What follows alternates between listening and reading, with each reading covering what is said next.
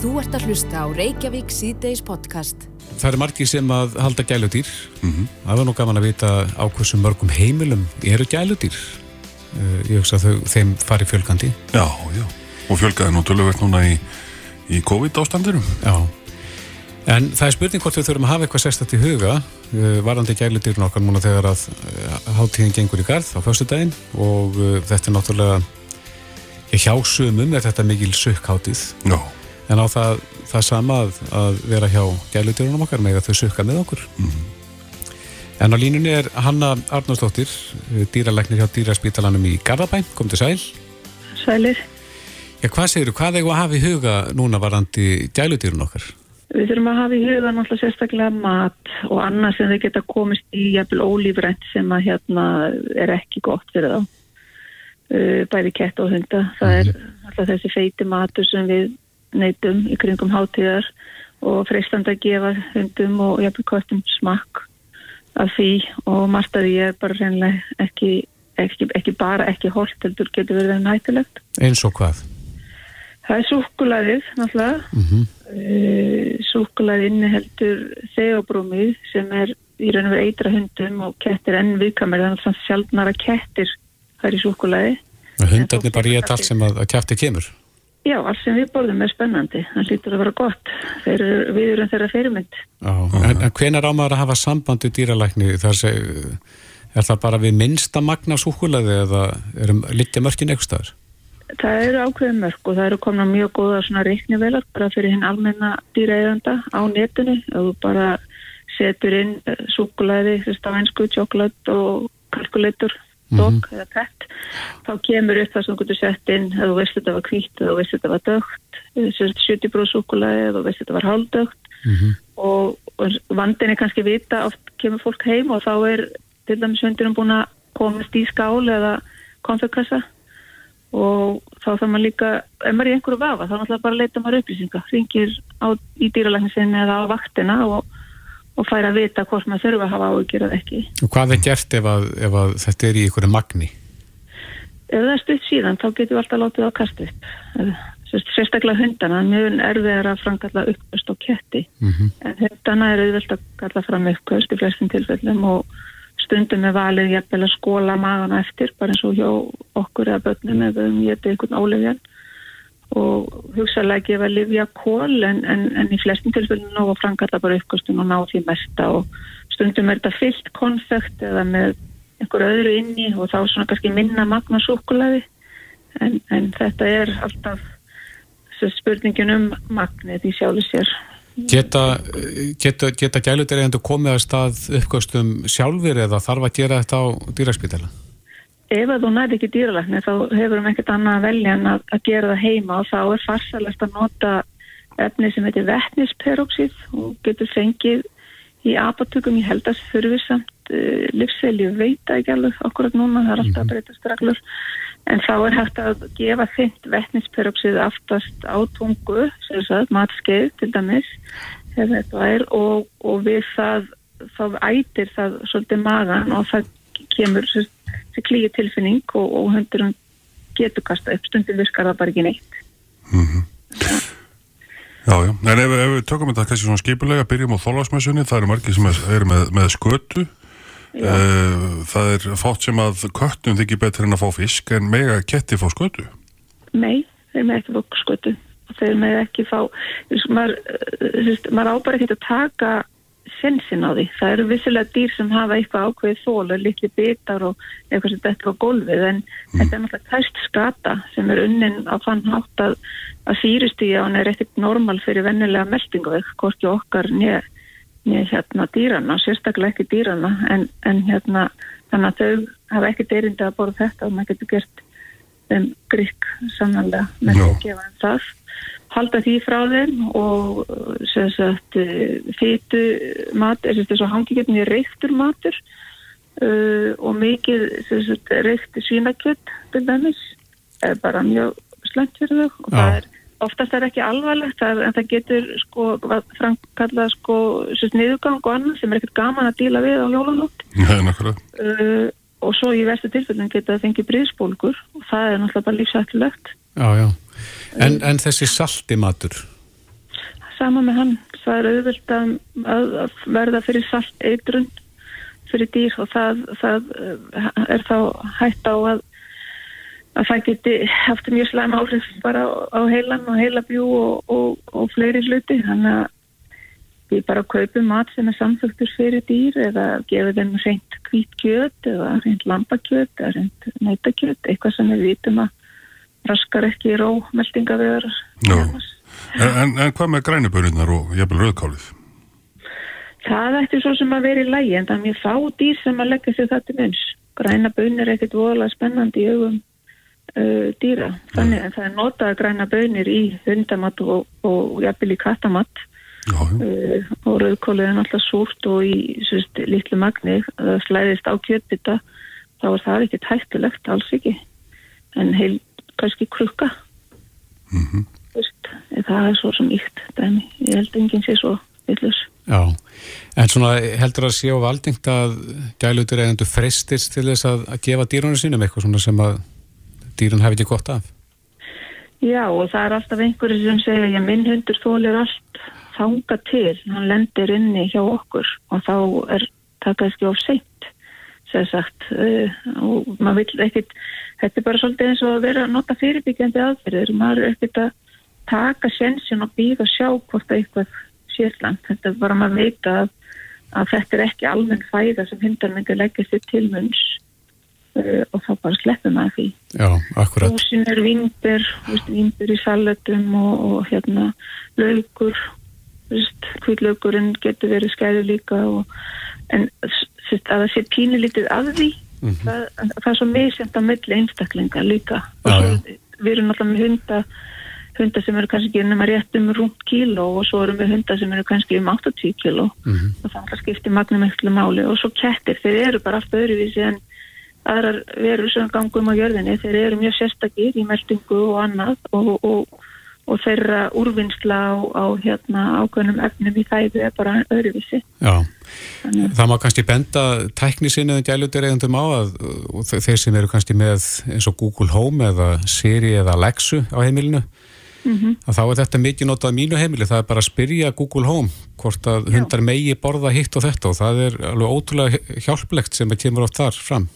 Já, oftast kemur fram sko meiri bönn en, en leiði og stundu kemur fram bann sem við vitum eða kannski ekki svo hættulegt en, en ef maður tekur marka á því og en náttúrulega alltaf sérfræðingunum er alltaf bestur þannig að það er alltaf að ringja og fá ráða því að þetta er í rauninu fyrir neyð eða þú veist ekki hvort eitthvað er hættulegt dýrinu þín og það var að gerast mm -hmm. þannig að betra að taka upp síman og, og, og þá er bara það getur dýralegnin leipendur um að koma strax eða, eða að þú getur verið rólegur sko en þó endur takk ekki kannski ekki leikin sko. Já Uh, kannski svona rétt að lokum uh, hjá okkur mannfólkin eru jólagjafir ásins, það eru joggingalli og, og erfrægir pottur. En, en hvað eru uh, hvað er jólagjöf gælutýrana í ár?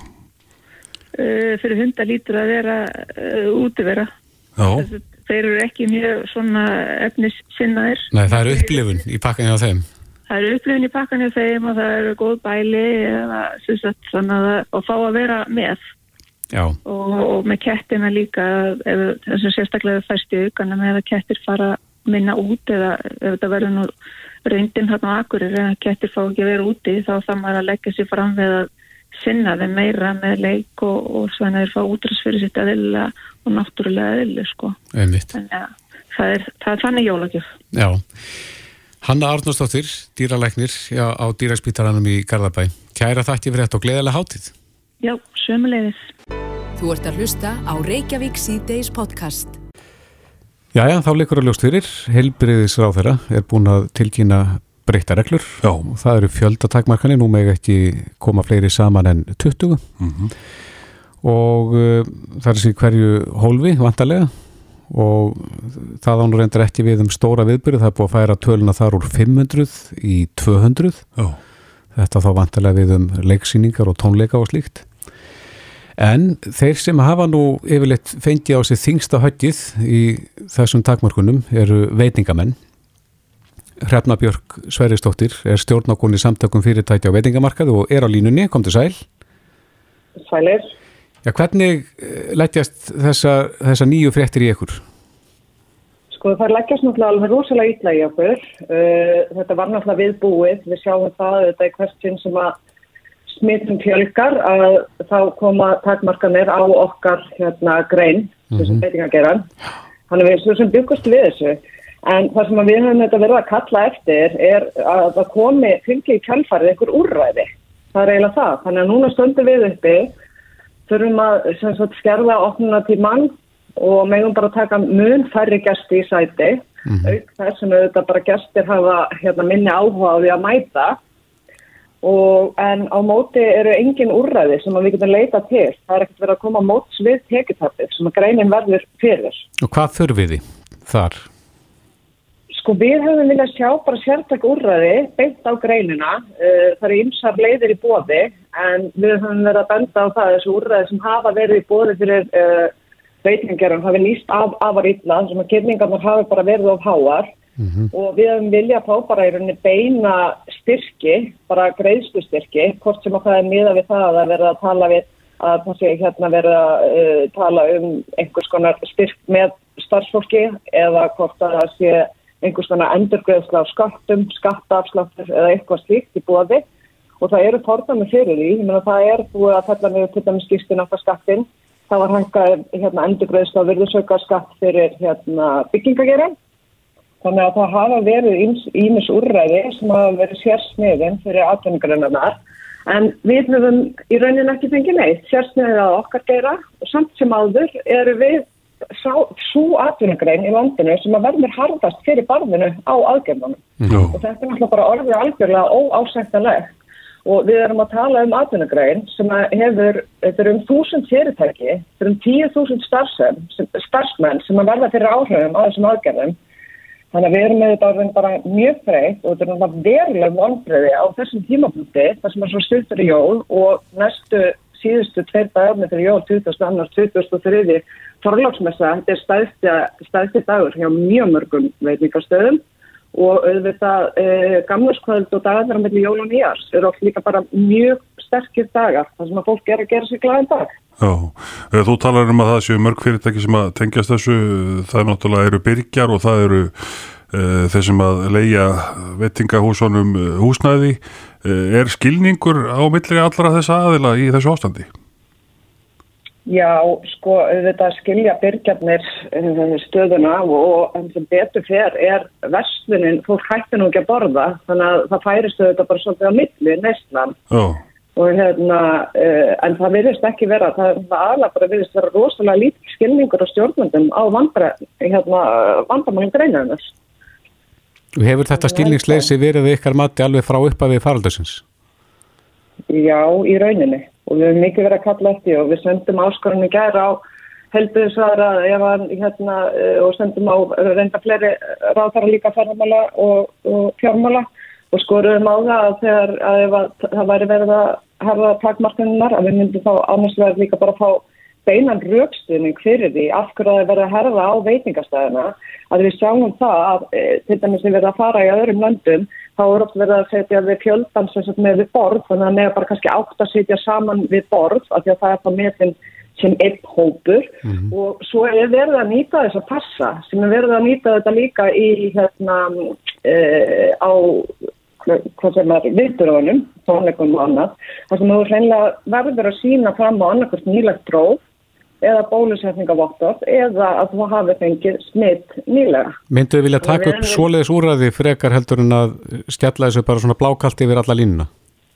Já, að sjálfsögðu væri það betra en það sem er í gangi núna. Við getum haldið upp í fjöldanum og haldið minni skerningu á starfsemi en þá bara reynd að tryggja það að þeir sem að væru inn á staðnum væri mitt eh, annarkort bólusetnir búinu með smitt eða með nýlegt próf. Mm. Það er... myndi líka halda því að, að, sko, að þessi aðgjörn meira segja sko, hefur auðvitað ítt undir það að flerri bólusiti sig af því að auðvitað það svolítið vesend fyrir þá sem er bólusettar og þurfa að vera að leita í prófin. Já, getið þið tekið þau upp hjá sjálfum ykkur að, að krefjast votors? Já, góð spurning. Jú, ég myndi nú alveg halda það að maður gæti gert það ég er bara hreinlega að takkja það ekki en, það kannski, en, en hafið þið reynd að ná samtali við sóttvarnar yfirvöld og aðtóa hvort að það setja að taka þetta til greina sem að þið leggji til? Já, við erum með þetta bara, sko, sóttvarnar yfirvöld í skilfu sem alveg þóróð. Þóróð verður bara að koma með tilögur að því hvernig hann á að, að hennja veirina. Mm -hmm. Við höfum verið að reyna að tala við uh, eh, ríkistöfnuna, við yfirvöld, við þá sem að stjórna, sem sagt í rauninni taka ákvarðanir um og eiga að vera með heilta hagsmunni allra þegar þeir leggja þess að takmarkanir á en er ekki bara að hugsa um sóttvarnir þess að koma í veg fyrir uh, útbreyslu veirunar. Þannig að við erum auðvitað verið að leita mikið til þeirra og, og viljum verið samstarfið þau, bæði hvernig þetta best að þetta útfæra þetta þannig að það verður sem minnstu skadi fyrir sem minnst að skafa af og einnig þá að ef að þetta sá aðgerðir, ef, að, ef að það er það mikið nöðsinn að setja þeirra á og svo harkalega, að þá verður komið til móts við greinina á þetta þá. Mm -hmm. En hrefna, ef við spólum tilbaka áraftur í tíman, mm -hmm. þá var þjóðin að býða eftir bóluefni og mikil bjart sinn í, í loftinu, þó mm -hmm. takmarkanir í kringum jólin og það var jólakúlan og allt þetta. Grunaði þig að næstu jól og eftir að þá væri við nánast í bara sömu súpunni, nýtt afbreyði komið og verið að stjalli í lás? Nei, ég held að það var engum grunaða og það var náttúrulega mjög mikil bjart sinn í sumar þegar bólusetningarna gengur rosalega vel og við sáum fram á það eitthvað neginn að þá held ég að flesta hafi svona sett síð þær stefningar að þetta væri nú bara hreinlega klárast. Þannig að þetta er, er þetta mjög, ég menni mjög óvænt og, og mikið sjokk. Mm -hmm. Það fyrir að vera á nákvæmlega sama stað. Einmitt. Hrefnabjörg Sveristóttir, stjórnákonni í samtökum fyrirtækja á veitingamarkaði. Við segjum bara gangi ykkur vel í þessari þröngu stöðu sem að þið eru í og gleðilega hátíð. Já, takk fyrir það, sömulegis. Þetta er Reykjavík C-Days podcast. Það er þokast upp á við, heldur betur eh, tölur yfir grinda. Já. Það er að segja COVID-grinda, en 286 grindust smitaður í gær. Mhm. Mm og einhvern veginn hefur maður á tilfinningun að það verði einhver veldisvöxtur núna næstunni í þessum Já. en uh, á línunni er Kári Stefánsson fórstur í Íslenskar erðargreiningar kom til sæl kom til sæl og ég ætla bara að benda þér á að það að segja einhversi greintur hafi alltaf er að merkingu fyrir okkur tög það er hárið En hvernig líst þér á, á stöðun og nú er búið að tilkynna nýjar sóttarnar reglur sem taka gildi á miðnætti annað kvöld Erum enn að stíga rétt skref þar, ef við byrjum á því? Ég held að, að menn séu að taka rétt skref, að mestu leiti ég nú eftir skoðað smáatiðin í þessan. Ég held í fram að það þjóni hægtmunum þessa samfélags að, að minka samstíti fólk eins mikið eins og hægt er. Mm -hmm. Og ég, ég held að það hafi ekki verið mögulegt að aðkast undan því. Ég held að þetta komi ekki í vekk fyrir að fólk komi endilega til með að smítast. Ég held í fram að þetta komi til að til með að minga þann fjölda sem smítast á næstu dögum. Þetta kemur til með að fletja kurvuna. Þetta kemur til með að minga líkunar á því að heilbyrðist kerfi svakvi. Nú erum enn að líta svolítið og sérstaklega í London í kringum okkur á fjölda síktra þar að segja þeirra sem veikjast mikið. Við erum ekki farin að sjá þær tölur en þá liftast inn á spítalanum okkar við eigum eftir að sjá það liftast. Það, það er svo litið og eftir því að, að e, þeir sem að verða lasnir, þeir eru lasnastir eftir að vera búin að vera lasnir í svona viku eða mhm. svo.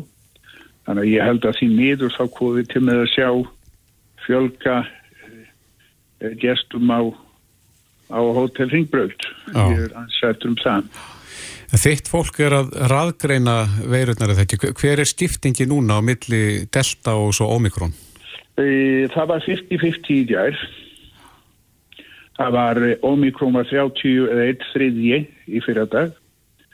Þannig að þessi, þessi þetta afbreyða veirunni er að, að taka yfir. Á, þannig að helminguna tímin er, er mjög hraður. Eh, Serðu það fyrir að það verði að þetta afbyrði taki yfir aldjóðlega á, á næstunni? Mér finnst mjög líklegt að það taki yfir aldjóðlega á næstunni. Nú, það góða við þetta er að svona, svona sko, stuttur tími sem það tekur fyrir veirun að komast millir fólks mm -hmm. gerir það verkum að það má reikna með því að að innan tiltúlega skamstíma verði allir búinir að sítjast. sem að væri það, væri það gott í stöðinni? Í, það er lítur út svo að það sé eina leiðin til þess að við losnum við þetta að, að alls flesti sítist. Já. Já, þannig að það er ekki bara spurningum hvort heldur hvenar? Já, við sörfum að losna. Ég held að, að sá möguleiti sér fyrir hendi að núna náum við loksins þessu hjarðónæmi sem henn eru búin að vera að tala um í tvö ár og hefur reynst vera svona eins og blöytt sabustykki. Mm -hmm. Það Já. kemur engin hönd á þetta almenlega. Nei. Það segir hérna í fréttina vísipunkturis að Þórólu Gunnarsson, sótatalæknir, hann leggur til að allir farþegar á leið til landsins verði krafður um neikvægt PCR-próf sem ekki er eldri en 20 sólarhinga gamalt og þá skulu allir farþegar með íslenska kennitölu fara í PCR-próf á heilsugjæslun innan 20 sólarhinga og sæta sótt kví þar til neikvæð niðurstað líka fyrir. Tekur undir það? E, ég er ekki búin að velta fyrir mér nákvæmlega þeim hlut af þessum aðgerðum. Ég held að landamærin skipti minna máli núna en okkur sinni áður Mm vegna þess að, að það að loka landamærin núna er svona eins og loka hæsnahúsi eftir að minkurinn er komin inn. Já. Það sé að þetta er komið hér á flegi ferð Mm og, og uh, ég held að meiri hlutin af smittunum í meiri hlutin af þeim sem smittast núna á næsta dögum komið til með að smitta sér að fórst í hér innanlansin eftir þeim sem eru að komið í landamæri. Já, akkurat. En eh, hverju spá er núna um framaldið, Kári? Er, er, eigum við eftir að sjá þessa tölu fara mun herra? Já, þetta var þetta bara munhærið en þetta. Þetta á eftir að tvöfaldast fyrir áramót. Við hefum eftir að fara upp í 600 grind á dag. Þráttur í þessar hörðu aðgerði núna? Já, draftur þessar hörðu aðgerði núna. Já. Og mun helbisk gerfið ráða við þetta? Ég hef fulla trú á því að heilbistjærfið komið til með að ráða við þetta. Ég, ég held að menn komið til með að breyta aðeins vinnula í sína en það kemur til með að ráða við þetta. Já, akkurat. Kári Stefansson, fórstjóri Íslenskar erð- erðagreiningar, kæra þakki fyrir spjalli og, og gleðilega hátíð. Sömulegis, gleðilega hátíð og takk fyrir mig. Reykjavík síðdeis á Bilginni podcast. Í gær heyrðum við í lögmanni Helga Seljan, en eh, Helgi Seljan, uh, fréttamaður, fjölmjölamæður, hann vakti aðtikli á því á, í fjersbókafæslu sinni að hann hafi unnið mál fyrir landsrétti en situr uppi með kostnaðin af málsreksturinu. Já. Og ég veit að við báðir, við kváðum við þegar við sáum þetta vegna þess að við heldum að þetta bara týðkæðist ekki hér á Íslandi að það væri hægt að draga menn fyrir dómstóla uh, að ósetju jafnvel og Já. maður seti síðan þráttur hafa unni málið, seti uppi með heilmikið kostnað. Já. Og við fengum reyndar stílabóð frá fleirum í gær sem hafa lent í því sama. Það var eitt sem að senda okkur línu sem að satt uppi með hátti 5 miljónar krónar málskostnað. Já, þetta skiptir út uh, háum fjóraðum. Einmitt, sérstaklega þetta fer fyrir fleiri dómstig. En uh, á línunni er formaður lögmannafélags Íslands, Sigurður Örn Hilmarsson, kom til sæl. Komið sælir. Er þetta algengt? Eins og ég segi, maður hafði bara ekkert heyrt af þessu áður að, að fólk geti setið uppi með kostnað þrátt fyrir að vinna mál. Já, þetta er óvalgengt. Með reglan í engumálulögum er svo að sá sem tapar máli í öllum aðalatriðum á að greiða málskostna hins. Mm En, uh, en oft er það samt þannig í framkvæmd að þetta getur verið matskæð og, og getur þá leitt til þess að dómarinn ákveði að fella málskostna niður sem að þýðir þá að hvor aðilin ber bara sinn kostna.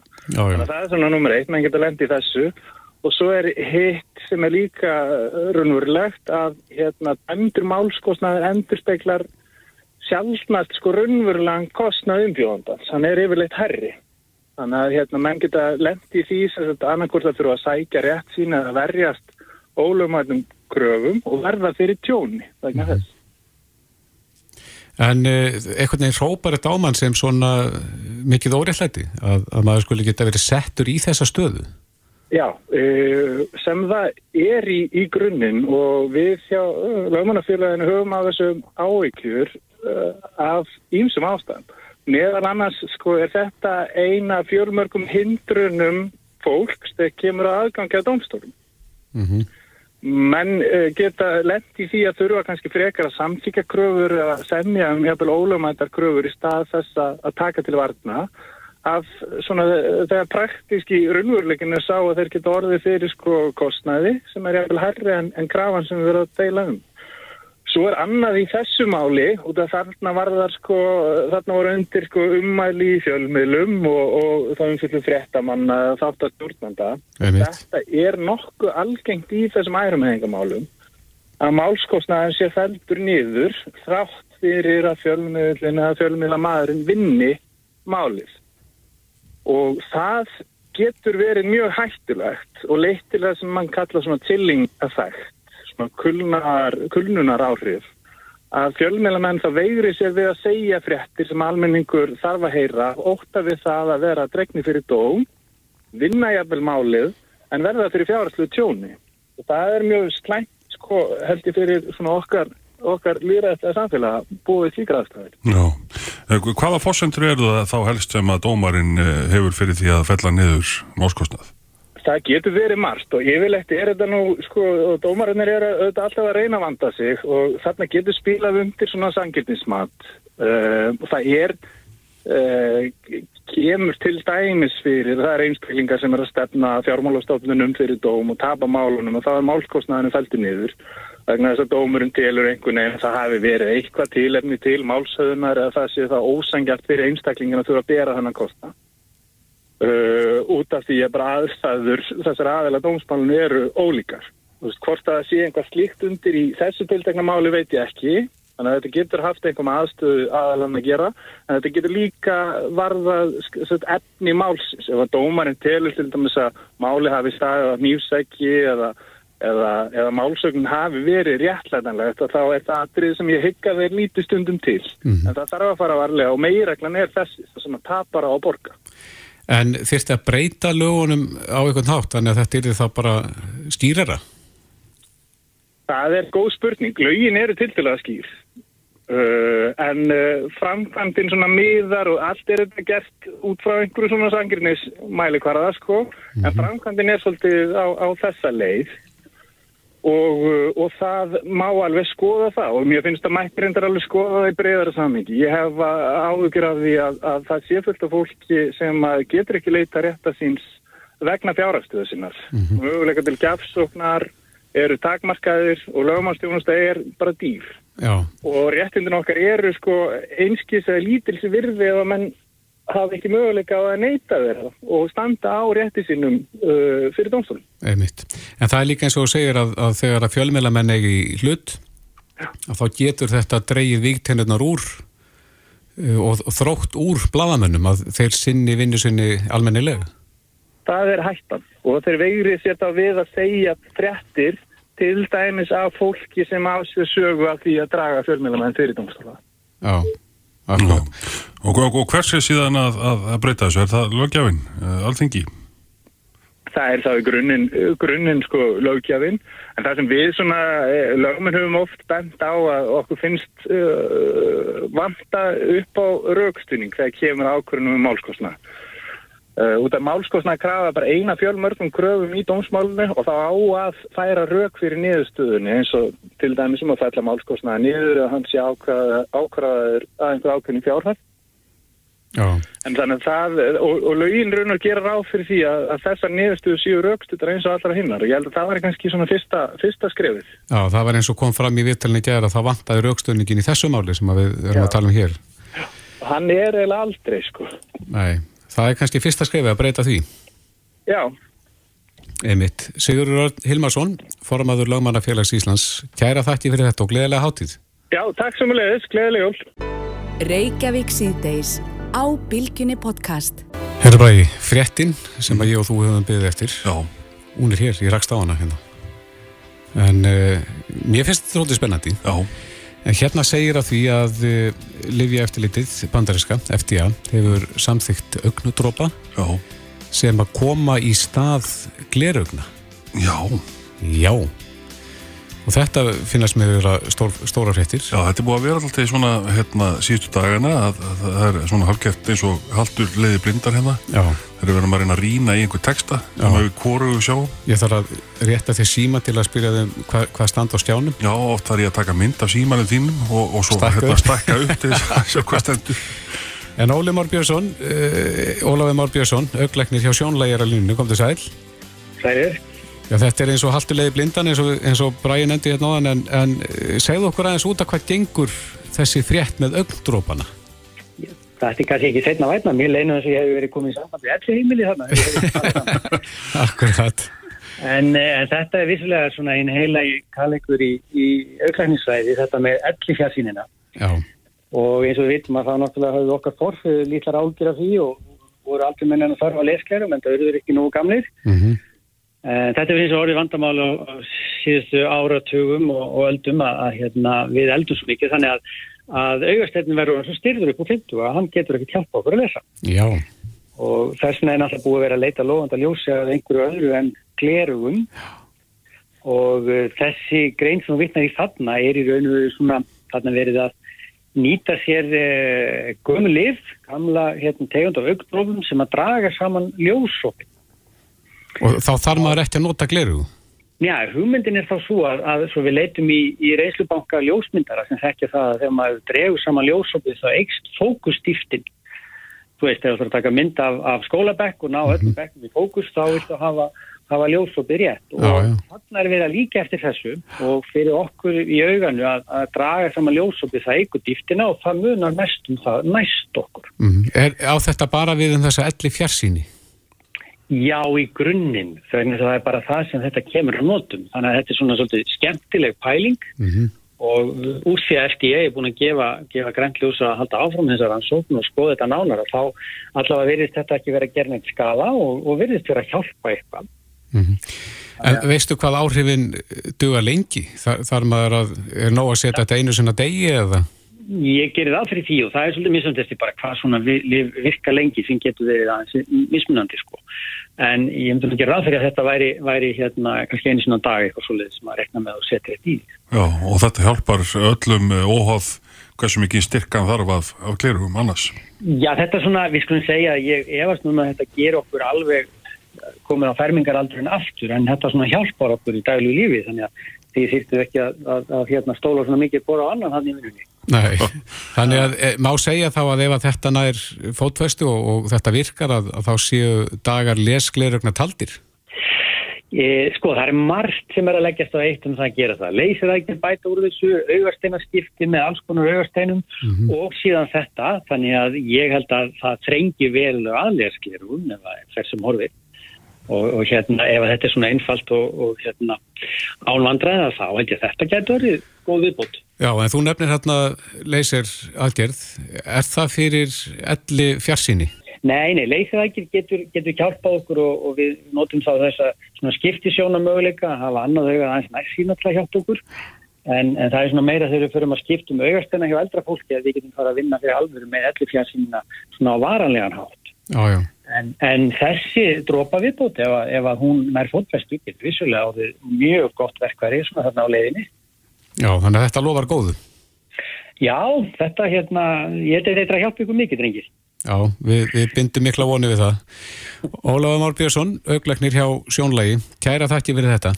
Takk sem leiðis. Hlustaðu hvena sem er á Reykjavík C-Days podcast. Stittist í jólinn og uh, núna er fólk að tínast til tenni. Við Já. töluðum hérna við Svala, Kaldalóns okkar, uh, okkar mann á Tenerife um daginn og hann spáði því að það yrðu svona í kringum 5.000 Íslendingar uh, á eiginni yfir hátíðarnar. Já, ég get alveg, alveg trúa því að fyrir næstu jól komið lag með bakkalúti sem heitir Jól á Tenerife, Já, akkurat. eitthvað cirka. Já. En Svali er á línunni, kom til sæl. Já, komið í sæli, hvað segir þið? Bara fínt og þú ert veiti í þessum töluð orðum að taka móti einhverjum hópi það nútið það ekki? Ég er bara hérna út á flugvillinu að taka mútið fólkinu okkar og það er náttúrulega fjórar vélar að koma inn á sama tíma. Já, Þannig að hérna, það er, er alltaf sjöldin sem kemur í dag og einhvers það skildist mér að, að heldar vélarnar sem mætti, mætti tengja til jólafugsin séu um 24. já, já. En það eru margir sem að eru uh, ekki alveg með á hreina því að hlutinni breyta svo hratt og ört núna í, í samfélagunum í kringum okkur. Það er þess að nýjar COVID-reglu daglega nánast en hvernig er staðan á tenni?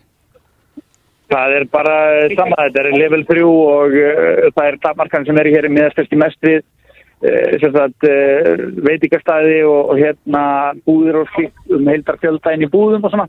Mm -hmm. En eins og til dæmis að vera út að borða, þá með að setja saman sex á borði, stundum átta, þú veist, ef það eru börni í hóknum þá telja þau ekki með, börni eru yngre en 12 ára. Þannig að stóra fjölskyld geta alveg verið saman á borði og það er ekkert nátt og svo eru kannski stóru vestlandarfarnar að, að hérna, ekki að fylla búðunar þeir eru komin í svona þá kallar 75% kapacitíð í, í venjulegum búðun ef menn geta haldið 20 metra regluna. Já, en það var einmitt um daginn var þessi tala átta að átta máttu koma saman en, en það er búið Já. að skera tvo af þar og þeim hefur verið sex, segir þið Já, þeir faraði nýrið sex og, og það er svona, maður bróðsir bara eins út í annan er, ég veit ekki nákvæmlega hverju hver, hver þetta á skil en en eins og veitingastæðinir hérna þeir eiga að vera með eitthvað ákveð langt á milli borðana minna þessi einna hálfu metri en ég hef nú ekki séð það en þá það sé þannig en, en hérna þeir láti þetta bara ganga. Já, nú er náttúrulega komin þessi fjöldi Íslandinga til Tenerife veistu til þess að það sé einhver skipulögt askrá fyrir íslenska hópin um jólun Þessar 5.000 Þannig að einhvern hlutaðum Já, ég verður náttúrulega, það er náttúrulega uppistand hérna með Pétur Jóhanni, núna 30. og svo er hérna helgarinnar gamlarskjöld skemmtun, þar sem að hann er mitt kemur fram og þar eru 200 manns að fara í mat og horfa á skaupið og ymklega flera. Oh. Eh, síðan veit ég að það eru hérna eiginlega allir staðinir, þessir íslensku staðir með einhverja dasgrá, bambú, nostalgía og allir með, með eitthvað í gangi við jólinn. Það er skata og svona eins og það er og það er að fara í hangíkjöldina og ímislegt. Mm -hmm. en svo held ég að séu margir bara að fara í þetta þetta hefðbunna þetta hefðbunna frí hérna til Tenerife og gera eitthvað allt annað sko en að fá sér eitthvað íslensk Einmitt. En er eigin orðin íslensk? Ertu farin að heyra íslenskuna þarna á hverju? Já, það er rosalegt, ég var einmitt að tala hérna fólk rétt á hann sem að voru hérna lögaveginu markfræða í gæðir það hefur verið mjög skemmtilegt bara broslegt að fara inn í búðunar oh. það voru bara íslendingar En, en, en, hvað, já, en hvað segja eigaskeggjar? Eru þeir fattin að taka eftir þessu? Mm, sko, það er náttúrulega svo gríðarlegur fjöldi af ferðamennum, já, já, þetta takar eftir ísendingum þegar við erum fyrirverða miklu en í það heila þá erum við náttúrulega bara brota brota þeim ferðamennum sem komaði þetta mjólinn sko. já, en, en enga að síður að þá að sem að þeir segja allir að bara þetta íslenska ferðamenn að það er svo ánægilegt að hafa á því að við förum út að borða, við förum að vestla og við skiljum þetta peningina. Einmitt, nóg af hann Já, Já. Þannig, að, þannig að þeir eru vel liðnir, sko morðað þannig En heyrið þú á þínum viðséttuðinu sem er að koma alltaf út og, og alltaf hitt á þig að, að hefur fólk áheitjur af því að hlutinni sé að breytast til veri vegar? Já, þetta hafa allir einhver áheitjur sko. Og, og hérna og ekkert við því að segja og gera með við allar umfyrluna sem er um þetta. En e, það, er bara þessi að veist, við erum þetta fólk sem er að koma út og svona, bara fólk sem búið að ákveða að eða jólunum hér og halda áfram bara með það sem er það sem maður myndi kalla lífið mm -hmm. og hérna, og maður heyrir að fólk er búið að taka þessa ákvörðum, skilur og það er ánægilegt, það er náttúrulega að spyr út í allar hamlutar hér og allt hvað er í gangi en flesti sem eru komnir í þetta geta allir kvita upp á það þetta sé mikið minna heldur en er heldur sko Þú ert náttúrulega í þessum ferðabransa hefur einhvern tíman hugsað út í að bjóða spánurum Íslands ferðum jólun? Já, svo sannarlega. Við erum búin að eiga hérna um, um samstarfum að fara með eigaskekkja til Íslands því að það er gríðalegur áhig hjá Kanari búin að fara til Íslands. Já. Hvað myndi heitla þá við... hér? Já, hvað? Já. Það segja eiginlega allir að sama. Þetta fallega land, myndirnar og fossarnir og vatnið og mm. það er svo margt sem þau horfi sem við horfum ekkert sérstaklega á. Sko. Taka smá frí frá sólinni? Já, já, já bara víðasta, þú veist, veist, allt þetta, bara hillast og þakka það. Já, akkurat. Mm. Já, uh, Svali, við sendum bara bestu kveðjur, söður eftir, til, til Tenerife. Hvernig er veðri núna? Svona... Er, það var rikning í morgun. Það gerist nú ekki oft. Nei, en það var mjög, bara mjög hérna ánægilegt, komum fagnandi rikningi. Já. Og svo hérna er að stýttast núna og komið blár heiminn aftur. Já. Svali, takk fyrir þetta og gleðilega hátíð. Sjöfumlega, Feli og Þorgar. er Reykjavík C-Days podcast.